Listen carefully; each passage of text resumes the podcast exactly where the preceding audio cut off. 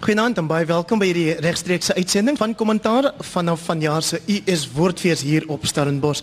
My naam is Hendrik Weingart en my van paneel vanaand baie gesoute koerantmanne en ontleeders hier aan my linkerkant Max de Pre, goeienaand.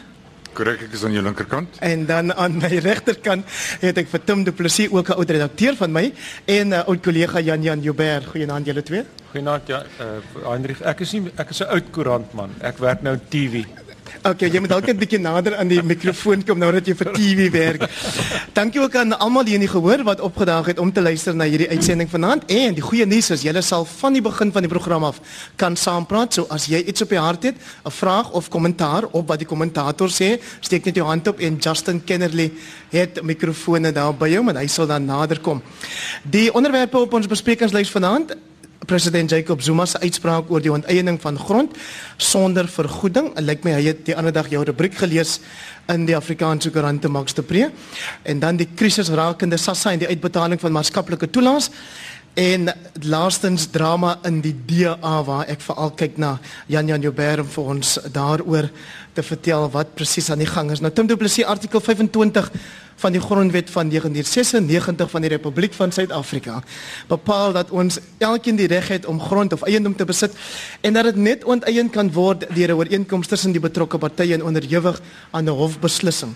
Nou praat president Jacob Getlesle Kisa Zuma oor die dringendheid of die noodsaaklikheid van onteiening sonder vergoeding. Waaroor gaan dit hierson? Is 'n uh, eh, ja, ek meen ons die hele kwessie van grond het 'n lang aanloop in Suid-Afrika. Ons praat al jare lank hieroor en grond se groot kwessie, dis die PAC se kwessie wat hulle eintlik altyd besit het.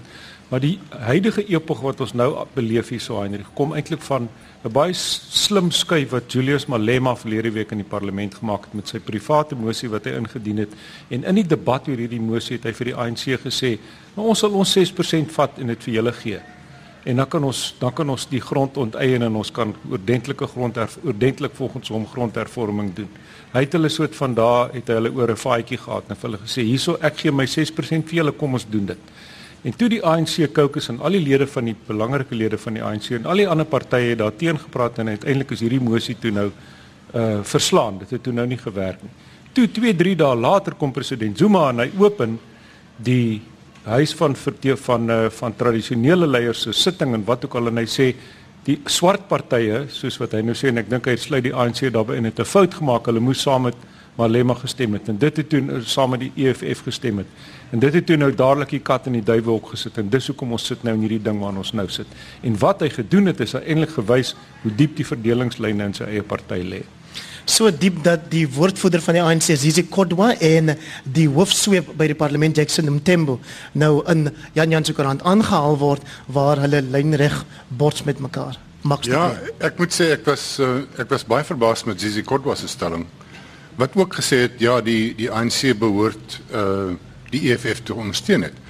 Maar Jackson Mthembu ehm um, se punt is klinkkelder. Hy sê maar jy kan nie sommer opstaan en ANC beleid maak nie. Dit was nie ANC beleid nie. Ons kan nie op die die EFF reageer en en sommer opspringend beleid maak nie. Die, dit moet dit moet deur die prosesse van die ANC gaan. Daar was hulle Godla, daar was Mangaung. Ehm uh, so iets is nie daar besluit nie. So die president het sy eie party uh se dissipline verbreek. Maar laat ek dit sê Heinrich. Ek dink as ons dit nie geweet het nie, weet ons dit nou. President Jacob Zuma is paniekerig. Hy's paniekerig. Ehm uh, wat wat hy hier gedoen het is totaal absurd. Dit kan in eerste plek nie werk nie. Uh en daaroor kan ons later praat oor hoekom dit presies dit nie kan werk nie. Dis teen sy dis teen sy uh, party se eie beleid. Dit is teen die grondwet. Dit is 'n nagmerrie vir die ekonomie as dit wel moet gebeur. Uh die syne wat dit uitstuur is al klaar sleg. Ehm um, en al wat hy doen is is dis wat die mense die die regse mense al vir jare vir my gesê het maar hy gaan eendag is 'n Mugabe doen. Wel hy doen so 'n bietjie van 'n Mugabe. Hy dit is as jy heeltemal desperaat is, gaan dan die mees emosionele kwessie wat jy kan kry. Want wie kan nou wie kan nou daarteen wees dat mense wat reg het op grond hulle grond moet kry as dit maar so eenvoudig was. En spesifiek Jan Jan Joubert omdat die gewillige koper gewillige verkoper beleid misluk het sê die ANC. Daar was nooit so beleid nie, so ek weet nie waar kom hulle daaraan nie. Nee, um, hulle sê die hele tyd dis wat in die grondwet is, daar's daar's nie sprake van nie. En um daar was vir my twee interessante dinge gewees um rondom hierdie aankondiging van meneer Zuma en albei uh, eintlik 3. Um albei al drie was nogal gee mense 'n bietjie hoop. Die eerste is kyk ek was besig om middagete te eet saam met 'n Britse diplomaat toe die nuus deurkom en ek het net gedink ag nee vaderland. En um, die ou sê vir my wat sê ek vir Londen? Toe sê ek nee vra iemand anderster want hierdie is nou waar die bodem my die hele gesprek uitval. En toe bel ek my my hoofkantoor in in Johannesburg en daai ouens ken die ANC amper te goed. Um, hulle dis wat hulle doen. Hulle doen die ANC en onmiddellik die absolute gevoel in ons uh, Johannesburgse kantoor was ag jy hoef nie vreeslik hieraan te steur nie. Die oues is heeltemal van die van die van die map af. En um toe as jy die rand um dophou, ek het gedink die rand gaan val. Hy het nie, hy het gestyg. So um miskien is dit nie heeltemal so erg as wat ons dink nie, ek weet nie. En dan um die die derde ding is dat die EFF so stil is daaroor. Ek het nou gereken hulle sal dit jy weet op 'n manier probeer gebruik. Maar ek dink um wel dat onder die laer vlak ANC LPs is daar geweldig baie ondersteuning vir hierdie tipe van um grondonteiening sonder vergoeding.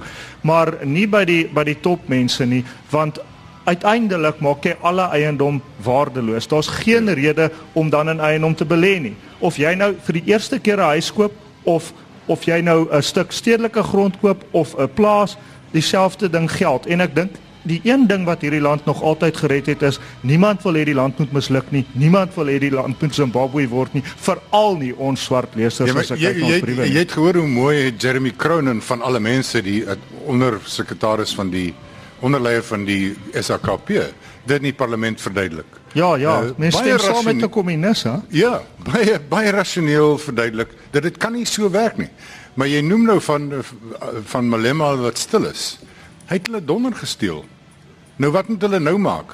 Hulle hele kampanje was gemik teen Zuma, die dief, die skollie en as hy inkom, hy mag nie praat nie en so aan en so aan. En skielik is hy aan hulle kant. Wat maak hulle nou? Ja, hulle het 'n probleem, né? Tim Du Plessis? Ehm um, ek het gedink ek het nogal half uitgesien na die Sondagkoerante vandag om te kyk, jy weet, het hulle hoekom het niemand nog vir Malema gevra? Maar wat sê jy nou dat Zuma so 'n vreeslike bollemakiesie geslaan het? Want hy antwoord nie sy foon nie. Nee, maar dat nie kan harder as dit probeer. Ehm um, uh, daar's 'n baie interessante rubriek vandag in die in die in die uh, in die in City Press deur Monli Makanya gewees. Waarin hy gaan parallelle trekke tussen wat in Zimbabwe gebeur het in 2000 toe daar 'n referendum was oor 'n nuwe grondwet wat hmm. Mugabe wou deurgedruk het. Toe verloor hy daai referendum fair and square. En wat doen hy toe? Toe gryp hy die land, die grondkwessie aan en hy sê dis nou waarop ons gaan mobiliseer en hy trek 'n sekere parallel. Nou die ANC het hier by ons nie nog nie 'n verkiesing verloor nie, maar dit baie swak gevaar in die, in die munisipale verkiesings verlede jaar. Hulle het wel die meeste munisipaliteite in die land gewen, maar hulle persentasie het agteruit gesak. Hulle het 'n tipe van 'n morele nederlaag gevoer. Iemand het gesê: "O my maggies, hier gaan julle." En sedertdien het dit net al hoe slegter en slegter gegaan met die ANC en met meneer Zuma. Daarom soet van kyk hy het waarskynlik 'n 'n bladsy gaan vat uit meneer Mugabe se liedjieboek en gesê maar ja. kom ons gebruik hierdie ding en ons jy weet ons gebruik hierdie grondkwessie en ons mobiliseer want soos Jan Jan gesê het heeltemal reg daar is elemente en daar het ons vir adjunkminister Ayanda Glodlo gehad wat 'n stuk geskryf het iewerster vandag want sy gesê het maar dis reg so hy moes dit gedoen het. Soos die kot wat hierdie geleide gemaak en so hy het 'n baie gevoelige sene weer aangeroer daar en hy's 'n uitgeslaapte politiek, politieke operateur meneer Zuma. Maar maar Tolle moet sê hy het ook 'n stuk geskryf waar hy sê julle moes nie die EFF dalk ondersteun het nie maar hulle moet die wet hulle moet die grondwet verander en 'n nuwe wet maak. En nou ek het my broer ek het gedink dit sal dalk vir jou interessant wees. Die die president sê ons moet 'n pre-koloniale grondaudit doen. Nou kyk, hulle kon nog nie eers 'n post-koloniale grondaudit doen nie. Nie in 23 ja. jaar nie. Ja, uh, niks daarvan nie. Uh, nou wil hulle 'n pre-koloniale grondaudit doen. Nou dit gaan mos interessant wees. Jy wat uh, Caledonner is, jy gaan skoor my broer. Jy gaan baie grond kry in Caledon. Want uh, daar was nie swart mense in pre-koloniale pre tyd nie. Dit was pure koi. Daai hele deel so gaan hy moet volgens daai plan gaan. dan gee ons vir elke Khoisan na nasaad 'n wynplaas. Is dit waarheen ons afstuur of of wat wat stok praat die Maar daar was nie as rekords daai tyd nie. Nee. Die persoon wat my nou as grondbaron verklaar het, is Max de Pre wat vanaand hier op kommentaar deel van my paneel uitmaak saam met Tim Du Plessis en Jan Jan Joubert. Ehm um, ek wil net vir julle sê dis baie vleiend dat julle heeltyd vir my kyk, maar ons het uh, gehoor hier, so julle moet ook hom so nou en dan julle koppe daai kant toe draai dat die mense julle kan sien. Uh Tim Du Plessis, kom ons praat oplossings. Daar moet iets gedoen word aan die grondkwessie. Dit kan nie bly soos wat dit is nie. Ek dink daaroor stem ons almal saam. Wat is die oplossing? Ek gee jou eerste kans, ja. dan vir Jan Jan en dan vir Dr. Max de Pre. Hendrik, ek jy laat my net so 'n bietjie voel, jy weet, so in die ou dae het hulle uitgesê as jy hoofartikel skryf vir die koerant, dan skryf jy altyd so kan dit nie langer aangaan nie. Iets moet hieraan gedoen word. Maar jy sê nie wat gedoen moet word nie. Dis 'n verskriklike moeilike ding. Die oplossing lê binne in die ANC. Hulle daar's geweldige interne konflik binne in die party. Die oplossing lê binne in die politieke dinamiek binne in die ANC wat opgelos moet word en ook in die breër Suid-Afrikaanse samelewing. Die interessante ding is daar's baie betekenisvolle stemme binne in ons samelewing in die swart gemeenskap wat sê wat nou hier aan die gang is is net eenvoudig nie reg nie en ek het nou nou genoem van Monley Makanya se rubriek in City Press vandag. So dis waar die dinamiek lê. Hierdie goed, daar's nie 'n een eenvoudige oplossing soos wat dit nou is nie. Ba is oor die gehele grondkwessie is daar baie rasionele oplossings al op die tafel gesit onder onder andere van Agri SA, 'n baie realistiese plan waarvoor hulle van die van die regterflank af heelwat kritiek gekry het, maar daar is oplossings op die tafel en toe hulle daai oplossing op die tafel gesit het so 2, 3 jaar gelede, het dieselfde minister van grondsake gesê dis 'n wonderwerk wat hier gebeur het. Nou is hy net eenvoudig missing in action, jy sien hom nêrens nie. So, daar's in teorie is daar heelwat oplossings, maar voor hulle geïmplementeer kan word, moet die politieke dinamiek binne in die ANC eers opgeklaar word. Jan Jan Joubert het lekker geëet saam met die Britse diplomaat en jy het gepraat oor die grondkwessie. Uh het jy vir hom gevra of hulle dalk 'n oplossing het? Nee, ek vra nooit die Britte of hulle oplossing het nie. Hulle moet ons diamant teruggee. Dis al ons diamante teruggee. Nee, hulle hulle het genoeg moeilikheid in die land gemaak. Maar um nee, Heinrich, jy weet, Tim is nou besig om heeltemal um vir homself nie genoeg krediet te gee nie. As jy 'n ander baie goeie rubriek wil lees oor hierdie hele ontrafeling van die 1994 ooreenkoms, dan kan jy 'n rapport Tim se rubriek vandag lees waarin hy verwys na 'n artikel wat Nkobisi Jonas, ons adjunkminister van finansies geskrywe het um verlede week en waarin hy gesê het ouens en en dit tel ek op by alle politieke partye dit werk nie heeltemal so goed as wat dit moet die hele die hele land se opset nie. Ons kan soveel beter wees. So daar moet nuut gedink word. Um Ek weet ook nie wat die grondoplossing is nie en ek dink dit gaan moeilik wees. Ek dink as 90% van die mense, ek weet nie of mense die president se syfers aldag kan vertrou nie, maar dis wat hy gesê het in sy staatsrede dat 90% van die mense wat grond terugkry, vat die geld eerder as die grond. So, um ek dink nie daar's 'n vreeslike regtig so groot grondhonger nie. Daar's wel 'n honger vir om beter daaraan toe te wees as wat die meeste swart mense is dit tel ons op in ons lesersbriewe verskriklik. Maar nie spesifiek 'n grondhonger nie en niemand wil Zimbabwe wees nie. Maar um ek dink die groot ding is dat uh vir wat wat grond betref is dat um ons moet op 'n manier kyk soos wat in die Weskaap op die oomblik gebeur. Ek dink die Weskaap het 'n redelike oplossing, maar die Weskaap se boere is baie realisties en baie aanpasbaar. En 'n voorbeeld is in die Witzenberg distrik waar daar nou al meer as 50 plase is waar daar gesamentlike boerdery is tussen die arbeiders en die en die boere. En ek dink dis die enigste oplossing vir albei kante. Die boere, ek weet almal in die noorde van die land is nou seker kwaad vir my dat ek nou dit sê. Maar um dit sal stabiliteit bring en veiligheid bring op daai plase as almal inkoop en as almal deel is van die opbrengs van die plaas of dan die risiko. So klink dit vir my Max de Pre as ons praat van grond dat ons landbou dink en nie noodwendig gewoon verblyfreg of grond, jy weet besitting yeah. Ja. dat ek kan sê ek het 'n stuk grond op my naam nie. Ja, jy sien dit is dit moet alsi in hierdie in hierdie mengsel ingooi. Die feit dat ons uh dat amper 7 uit 10 Suid-Afrikaners deesdae in die stede woon. Maar dit is dubbel so hoog soos enige ander land in Afrika. En dit is iets wat by ons moet insink. Ons is meer as 2/3 verstedelik. Die die Raad vir Geesteswetenskaplike Navorsing het in 2006 'n vreeslike groot meningsopname gemaak onder swart Suid-Afrikaners. En die oorweldigende meerderheid, amper 90% het gesê Ons stel nie belang in grond nie. Ons soek beter onderwys, ons soek beter huise, ons soek beter uh, gesondheid. Werk. Ons soek groter en die wat nie werk het nie, soek natuurlik werk. En toe kom hulle by die ander, die paar persent wat grond wil hê en toe kom jy agter dis is meestal mense wat op plase werk of op kleiner dorpe woon en die oorweldigende meerderheid van hulle het gesê ons soek 2 hektaar. Klein persentasie het gesê 5 hektaar. So hier kom die probleem die die die die proposisie in van klein boere wat almal in hierdie land sê klein boere kan nie werk nie. Ek het dit sien werk in Bangladesh, ek het dit sien werk in Ethiopië. Ons sal daaraan moet dink. Maar dit is baie meer kompleks uh as wat mense doodgewoon daaraan dink. Byvoorbeeld, as jy nou al die grond afvat, in die eerste plek val die stort al die banke ineen.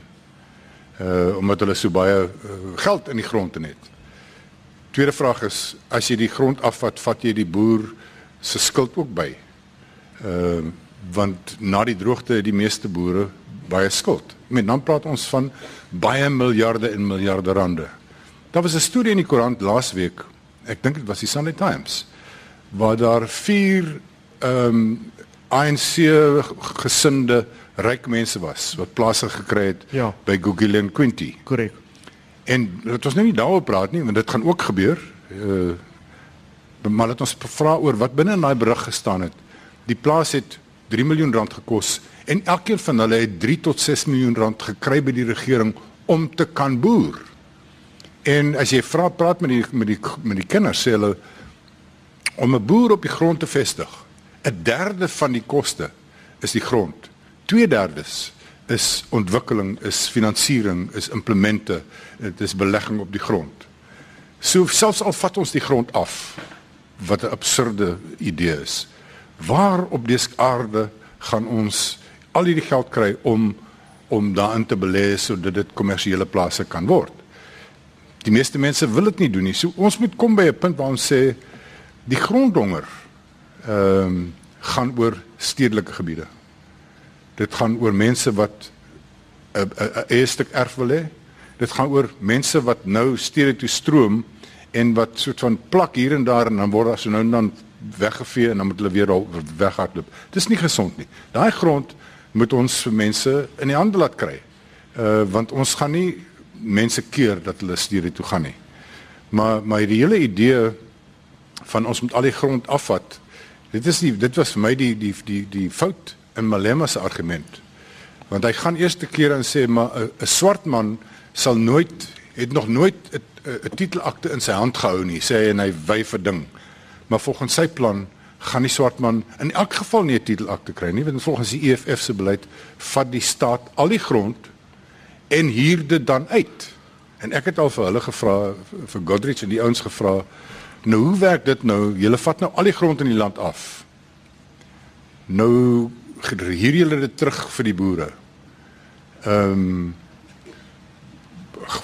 wie gaan wie gaan sorg dat daar nuwe damme gebou word? Jy bou mos nie 'n dam vir 5 miljoen rand op 'n ander ou se grond nie. Hoe belê, hoe hoe gaan mense dan in grond belê? Nee, hulle sal dit uitsorteer. Ehm um, so dit is 'n dit is 'n lagwekkende situasie, maar my laaste gedagte is dit hierdie genie is uit die bottel, die gin is uit die bottel uit. Wat die eerste keer het 'n president sedert 94 gesê, kom ons verander die grondwet en en 'n goeie skoot van sy ANC kollega sê ja. Die groot vrees was eiendomsreg gaan nie heilig wees nie. Daai skoot het ook nou geklap.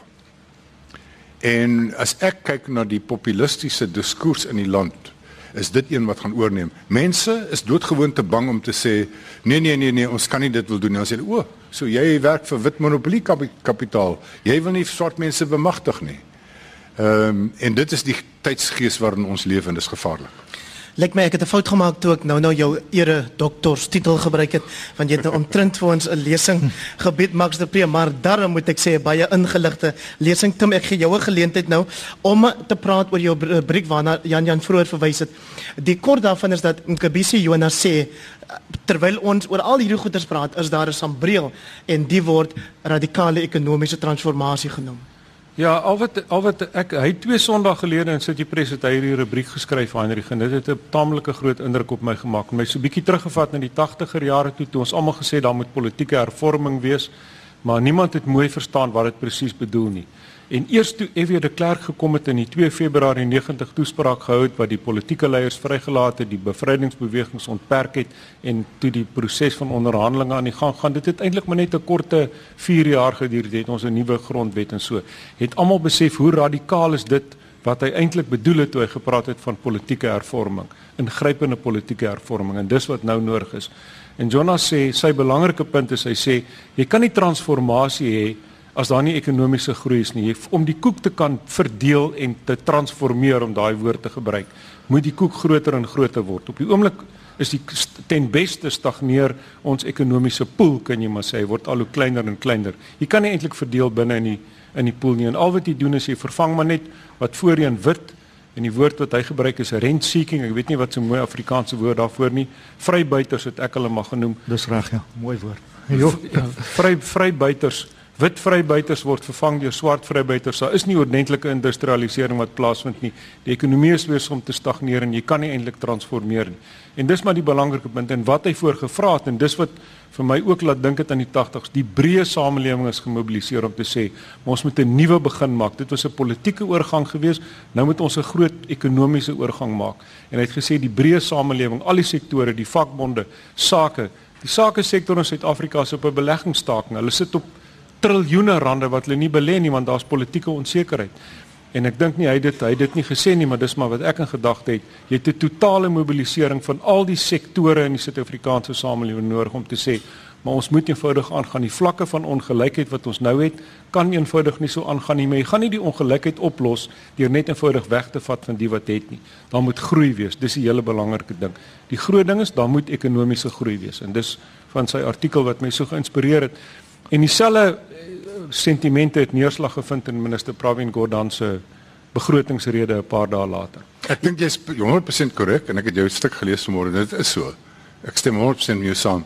Hier's net een klein probleempie.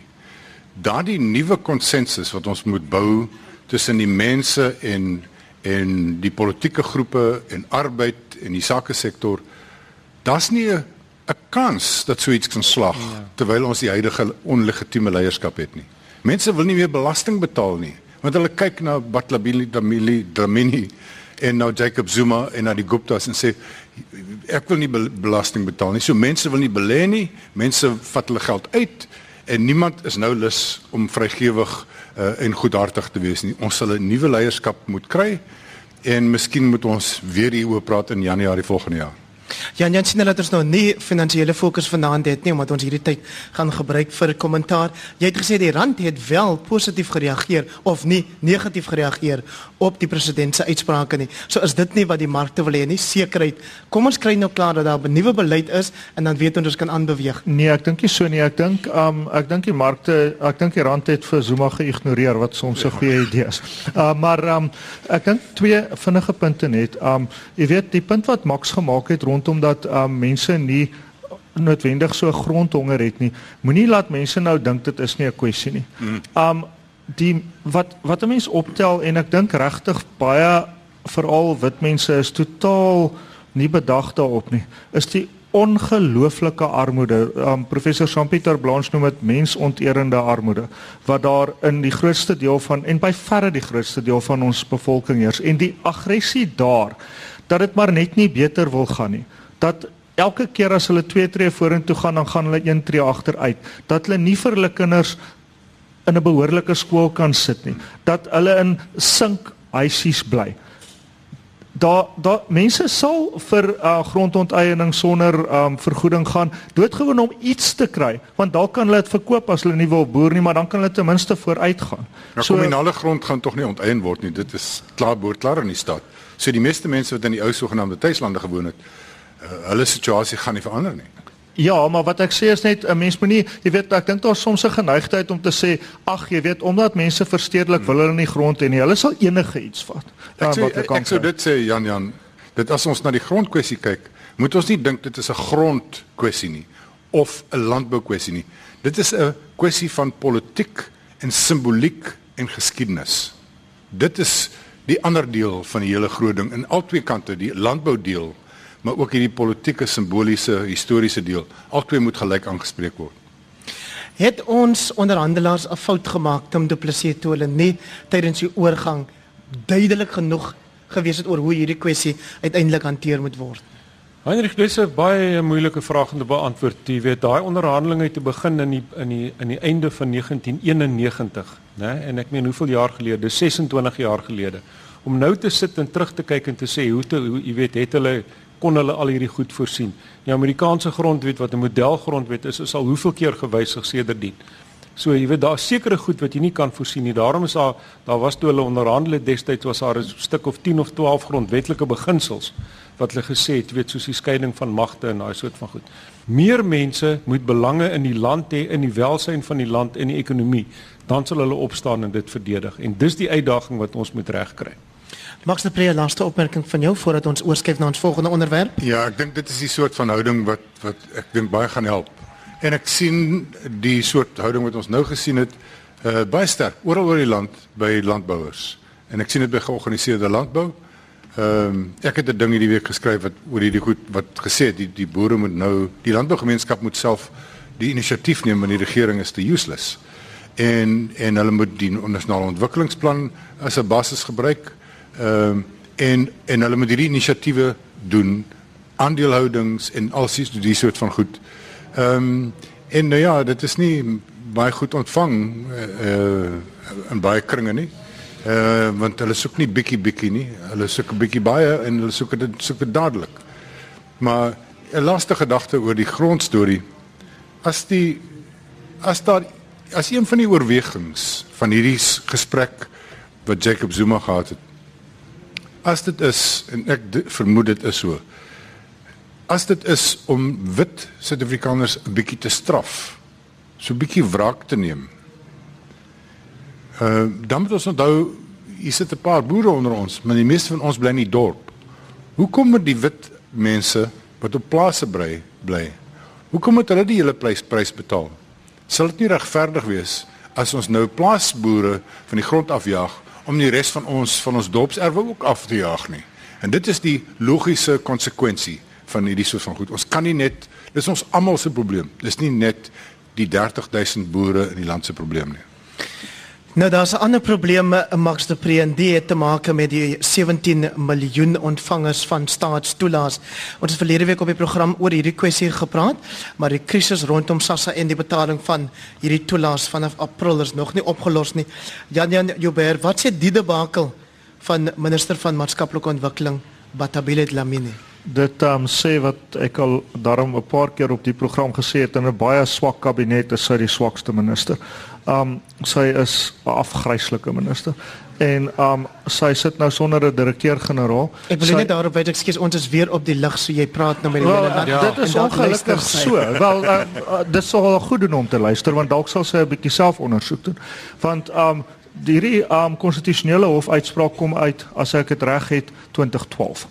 En hy moes uh, uh, daar is oorgenoeg tyd gewees om te begin om dit te implementeer. Wat sy gedoen het is om die regstaat te ondermyn om watter rede weet ons nie heeltemal nie.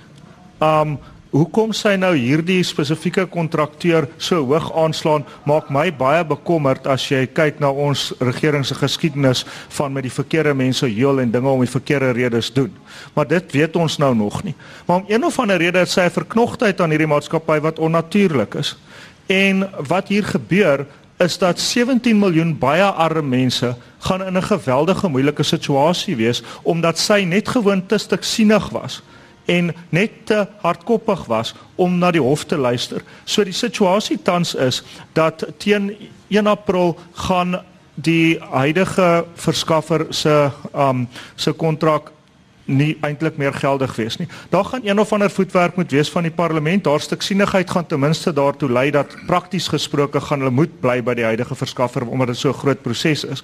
Maar sy sy moet afgedank word, nie dat die president dit sal doen nie. Maar Heinrich, ekskuus man, kan ek net vinnig sê, jy het nou net gevra waar lê die oplossing? Dit lê binne in die dinge, binne in die sentrale dinamiek van die ANC. Wat Jan Jan nou sê van dis nou al van ek dink 2014 gewees ja. Ek dink jy's reg, ekskuus. Ja. So van 2014 af wat hierdie dinge sloer, van 2014 af weet die president behoort hy te weet daar's 'n konstitusionele hof uitspraak. Sy minister moet gevolg gee aan daai uitspraak van die hof. Hy doen net, eenvoudig niks daaraan nie. Hoekom nie? Want sy sy belangrike bondgenoot, sy moet hom ons nou help om uh, vir Nkosazana Dlamini Zuma die die volgende president van die ANC te maak. So die hele hier sit jy hier hierdie 17 miljoen mense se lot teen die hande geplaas van interne ANC politiek en paleispolitiek wil ek amper sê en dis waar die hele probleem lê. Meen sy kan so sleg wees soos wat hy wil en ek dink die president weet self sy's nie 'n goeie minister nie, maar hy tree nie op nie want die politiek van die ANC is vir hom belangriker as die belange van die land en 17 miljoen arme mense. Max de Pre, Tim uh, uh, Jan Jan Joubert skiese koerant noem dit vandag die grootste krisis wat post-apartheid Suid-Afrika getref het. Die minister sê amper as ek nou 'n bietjie Kaaps kan praat, waarvoor gaan julle so aan? ja.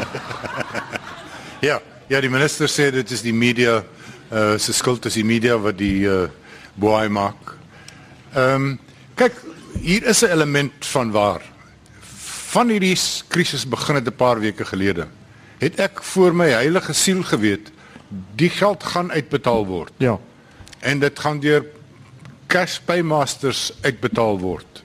Ek het duidelik gesien sy sit met 'n pistool teen ons almal se koppe konstitusionele hof Pavin Gordon Jacob Zuma se kop en sê wil julle tussen my staan uh tussen tussen cash paymaster staan en 17 miljoen mense wat nie gaan kos hê vir daardie dag nie. So dit is die vir my is die groot vraag en ek meen ek dink mense sal dom wees as jy nie as die vraag nie by jou opkom nie. Hoekom baat sy daarby? Hmm.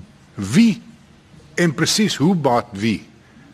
Dit by die feit dat hulle alle reëls, alle ordentlikheid, alle verantwoordelikheid ehm um, omvergooi net om seker te maak dat hierdie cash pay master services weer die kontrak kry ja, teenoor onthou sy is die persoon wat vir ons die land vir ons die woord gegee het van skeleton yamas. Mm, onthou jy sê ja. gesê ons het almal skeleton yamas, ons het almal geraam ja. tussen die kas. So, so, so, ja. so ek dink ek dink dit is uh ons kan dalk net in die volgende paar maande agterkom dat hier was korrupsie betrokke. Mm. Ehm um, ek dink die DA parlementslid wat wat uh, die in die portefeulje komitee so lekker gevra het Lindy op by, op by skoor. Ehm um, het gesê hy het die punt gemaak en sê maar hier sit jy, jy is in die Zuma kant. En jy praat so van radikale ekonomiese transformasie, maar hierdie maatskappy is 'n spierwit maatskappy.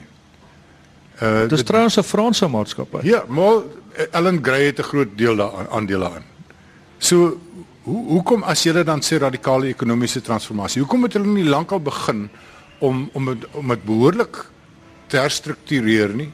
Dat julle dalk die posbank kan gebruik, die poskantoor gebruik nie. Ek dink dit vir my is is die mees normale oplossing is dat die poskantoor en die nuwe posbank uiteindelik hierdie dinge gaan doen.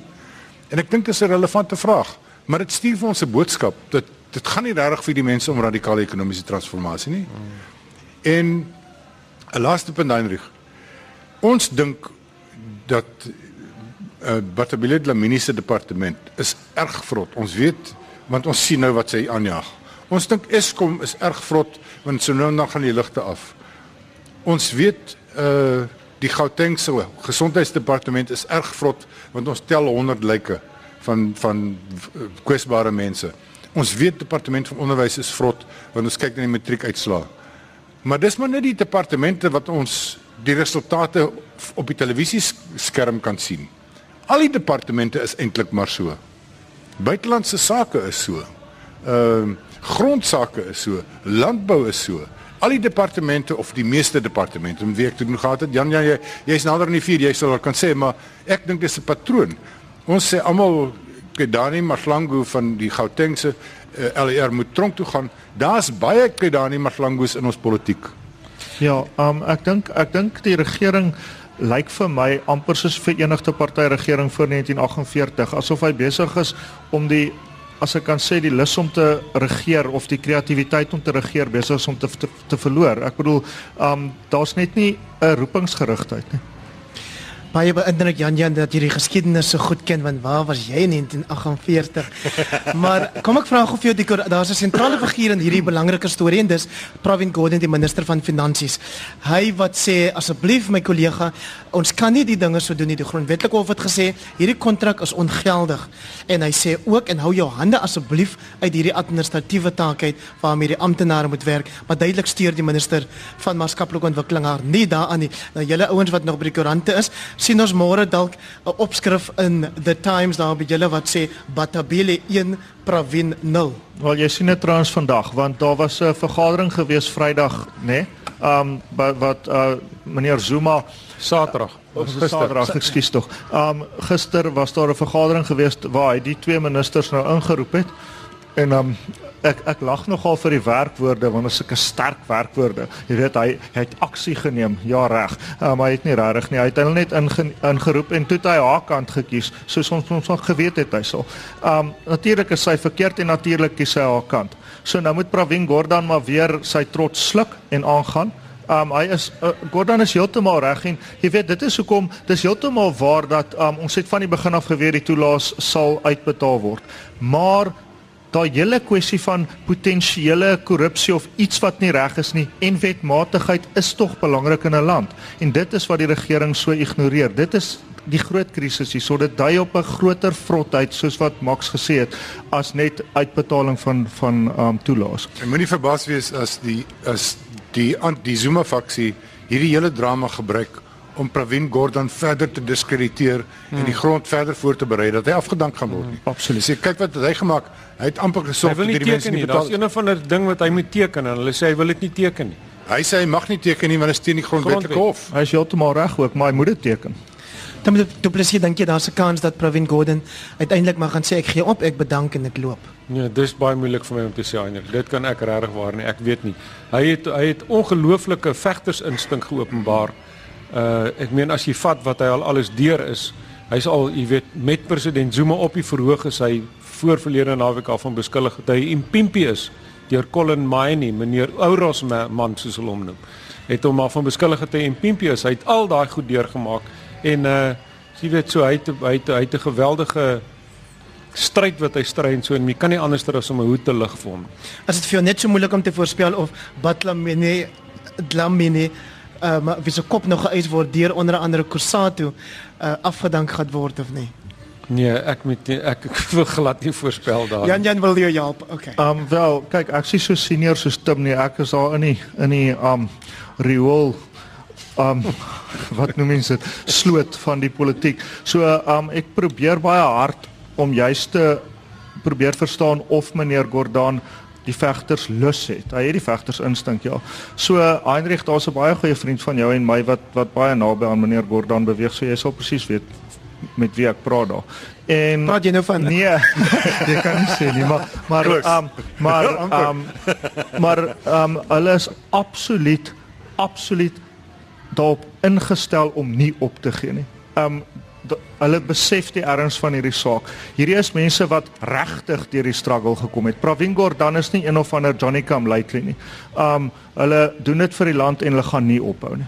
Max de Prins so kort as wat jy kan asseblief die gestoei met die media wat ons vandag gesien het by die perskonferensie waar minister Dlamini die land verseker het op 1 April sal staatstoela uitbetaal word. Dit is ook 'n soort veglustigheid van die media se kant af dink ek wat sekerlik prysenswaardig is as jy sien ja. dat ehm um, die kultuur wat jy begin het destyds by Vrye Weekblad duur voort. Ja, ek moet sê hier en daar is daar van ons kollegas wat regtig waar hulle sout werd is. En wat ek ek weet nie of iemand hier gekyk het daarna nie, maar Karen Mon van uh ENCA. Uh, ENCA. Ja, SABC. Het vandag daar opgestaan en die minister in 'n hoek gedruk en sê dit hulle 'n paar keer gedoen. Hier's 'n paar baie knap jong kollegas en eh, eh, in in 'n in 'n bedryf met wie dit nie baie goed gaan nie. Maar dit is nie vreemd dat die dat, dat die media die skuld kry nie. Dis standaard. Ehm uh, as 'n regering onder druk is, as 'n regering skelm is, uh, blameer eers die media. Minister David Mklobo van staatsveiligheid vandag het gesê die regering gaan van nou af die internet reguleer. Hulle kan nie toelaas betaal nie maar hy wil die internet reguleer want hier is buitelandse vyande wat ons wil mense voel amper in jou hande in die lug te gooi. Nou ons het beloof dat jy gehoor kan deelneem aan hierdie gesprek vanaand. Kom ek sien of daar 'n aanduiding is van iemand wat 'n vraag wil vra of wat sy of haar eie kommentaar wil lewer. Enige iemand? Indien nie dan kom ons by die derde storie wat ons gesê het ons oor sal praat met die laaste so wat 13 minute wat oor is van vanaand se program. Eers skok Patricia de Lille met haar bedanking as provinsiale DA leier in die Weskaap toe word Bongeng Kossie Madikizela as tussentydse leier verkies en nou het die burgemeester in die DA koalisie beheerde Kanaland bedank sowel as die DA vertroueling Rodney Lentet wat voorheen Koukersvoorsitter in die Kaapse wetgewer vir die DA was Jan Jan Joubert wat gaan aan Ja, daarom nie Kanaland nie Beaufort Wes nie. Ekskuus Beaufort Wes ja. Ja. Ehm um, Ja, ek dink daar's 'n daar's 'n verkeerde geesvaardig in die Wes-Kaapse DA op die oomblik. Jy weet die DA staan voor 'n groot geleentheid om in samewerking met onwaarskynlike koalisievennote die die die land se regering oor te neem in 2019 as dinge aangaan soos dit nou aangaan. En nou is hulle besig om onder mekaar te stry. Hierdie jaar moet die oppositie hulle hulle hulle samewerking daarstel, hulle moet daai vertroue bou, persoonlike vertroue bou. daarmee is hulle redelik besig en hulle moet hulle beleidskwessies uitsorteer want hierdie jaar is die ANC intern gefokus. Volgende jaar na my mening gaan die moeilikste die aggressiefste en heel moontlik die bloedigste sedert 1994 wees as jy kyk na die tipe geweld wat reeds tussen die EFF en die ANC voorkom. Um so wat nou in die DA in die Weskaap aan die gang is, is vir my net dom. Um en ek dink regtig waar dat waar waar die magsbasis van die DA in die Weskaap waarskynlik ook ons luisteraars in die Weskaap is naamlik die Afrikaanse mense. Is dit nou tyd laat hulle dan nou regtig bietjie voet neersit? Want jy kan nie elke keer wat iemand iets doen waarmee jy nie saamstem nie, die persoon vernietig nie. Die lyke is besig om op te hoop te veel goeie mense is besig om die DA se leiersposisies te verlaat. Daar is nie 'n behoorlike um tipe van 'n esprit de corps, een of ander kameraadskap nie. En ek dink in die Wes-Kaapse DA lê daar vir ons maande van bakleierery nou voor tot Augustus maand wanneer hulle regtig 'n leier moet kies. Bonginkosi met die Kizela is net die is net die tussentydse leier. En ek dink as die DA wil iets doen wat vir hom goed is, dan moet hy 'n meer menslike en 'n meer omarmende um manier vind om met sy probleme um om met sy probleme om te gaan want wat op die oomblik gebeur is dat mense uitgedryf word en vernietig word. Patricia de Lille is 'n fenominale politikus. Sy is die een persoon in die DA met 'n behoorlike struggle geskiedenis. Sy en Shaun August het die DA gelei na die beste uitslae van die party se bestaan. 2/3 meerderheid in Kaapstad, 63% in die Wes-Kaap en nou um, word hulle net een kant toe geskuif. Dit dit kan mos nie. Dan die presies die DA sal jou wil laat glo dat kleur geen rol speel nie. Dis 'n oop geleenthede party sê hulle, maar dink jy anders daaroor? Heinrich, jy weet ek is nie in die Wes-Kaap nie. Ek kom van Johannesburg af. Ons het nou maar eers nou die dag 'n DA burgemeester daar gekry. Hy's al met sy eie kaperjolle en goed besig en in die en so aan so. Al wat ek al wat vir my interessant is van hierdie hele ding. Weet jy, jy vat waar die DA begin het toe dit nog die DP was na die 94 verkiesing, 6 LPs Janja, 7. 7, 7 LPs. Tot waar hulle vandag is. Hoeveel het hulle vandag in die 80, né? Um in die in totaal, ja, hulle het 89 in die nasionale vergadering. En, en jy weet in hier in die Wes-Kaap regeer hulle die provinsie en hulle regeer die stad en so. En to, terwyl hulle klein was en in oppositie was, so het hulle amper die mense wil amper sê van 'n parlementêre bevrydingsbeweging gehad. Dan is daar, jy weet, dan is daar daai esprit de corps wat Jan Jan van praat. Dan is dit daar. Die ouens weet waarvoor hulle doen. Dan kry hulle die bewind en dan begin hulle na begin hulle net soos al die ander regerende partye raak. Dan vind faksievorming plaas, magsarrogansie, persoonlikheidsskuld is en daai soort van goed. Ek dink dis in 'n sekere sin is wat ons nou sien wat in die DA aan die gang is en dis maar jy weet waar ek van ver af kyk wat aan die gang is. Ek verstaan nie al die politieke dinamieke hier binne nie. Ehm um, en dis maar hoe ek hierdie sien. Dis maar hoe hierdie tipe van goed hulle self uitspeel. En as hulle die dag uh, die nasionale regering op 'n manier oorneem, gaan hierdie selfe goed weet jy nie so erg en so patologies soos in die ANC nie. Gaan jy maar kry. Jy kry dit in alle groot politieke partye oral in die wêreld. Max de Pre, jy's wel 'n Kaapenaar. Hoe bekyk jy die storie? Is dit 'n DA Wes-Kaapse kwessie of is dit eintlik 'n DA nasionale kwessie sedert Musi Maimane oorgeneem het by Helen Zille as nasionale leier? Kyk, ek het gisteroggend in daai tent uh met Helen Zille gesels oor haar nuwe boek. En sy sê dis als Jan Jan se skuld. Ja, was dit maar nê. Nee. Tussen nee. my en haar is ek die enigste nie DA lid. nee, ek dink ehm uh, ek luister ook na wat Jan Jan sê. Ek dink hy's bietjie nader aan die vuur. Ehm um, dis nie vir my vreemd. Ek stel nie verskriklik belang uh, in in faksiegevegte uh, in politieke partye nie, partye nie. Tensy dit uh die rigting gaan verander. So as as uh, Patricia en die ouens nou beklei, ek ignoreer dit tot ek agterkom. Uh maar hier gaan dit die hele rigting van die party verander. En lyk my dalk is ons naby daaraan. Ehm um, dit is veel gevra van die DA om van 'n klein partytjie so vinnig met 'n spierwit liberale basis so vinnig te groei. Ehm um, geweldig baie konservatiewe Afrikaanse en wit mense by te hê, maar ook mense wat nou pas uit die uit die ANC gekom het. Weet so dit is 'n is is 'n broad church amper groter as wat die ANC self is. So jy gaan natuurlik ehm um, probleme hê. Ehm um, En die probleem met meneer Maimane is ek dink hy's 'n baie indrukwekkende man. Ek dink hy het baie goed gedoen in die parlement.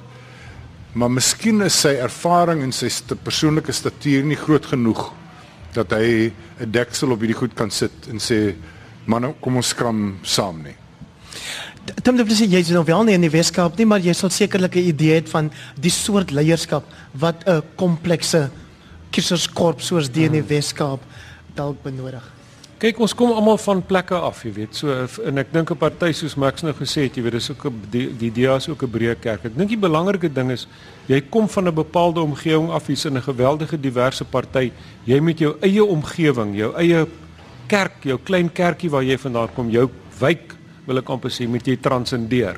Jy moet kan uitstyg en jy moet almal kan bymekaar maak op 'n op 'n manier en ek dink dis die groot vereiste.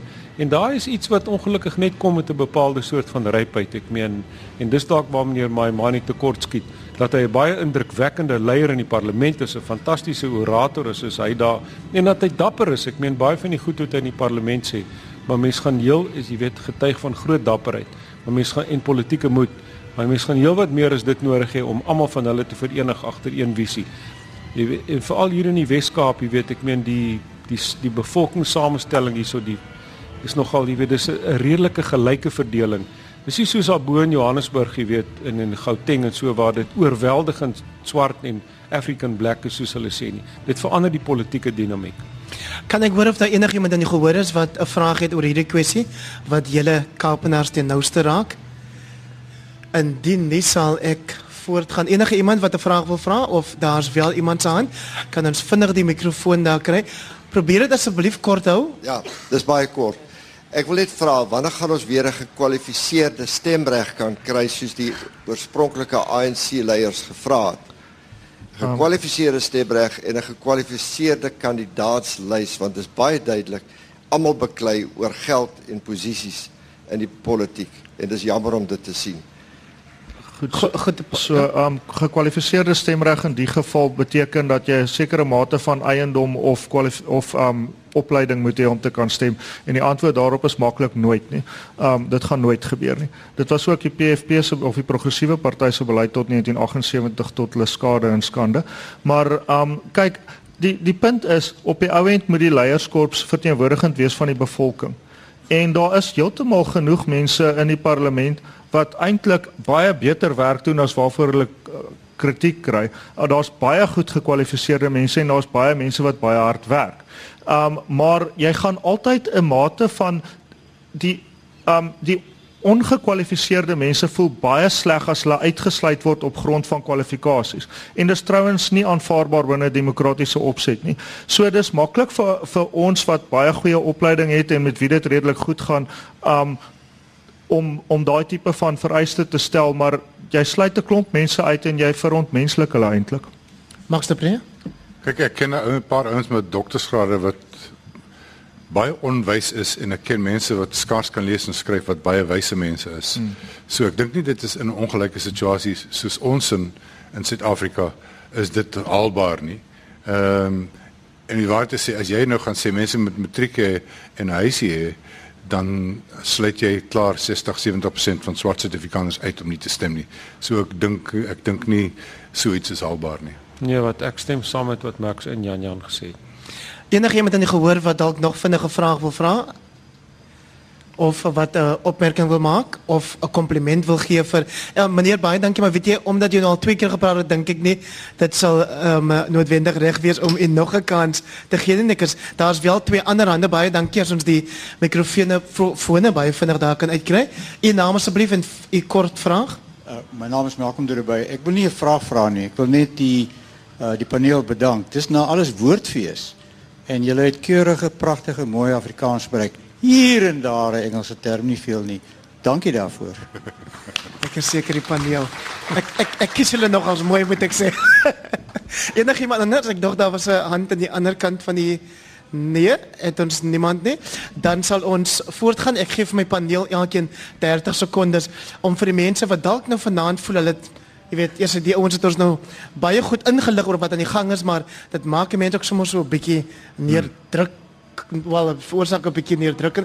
Wil ek net sê Jan Jan, jy skud jou kop.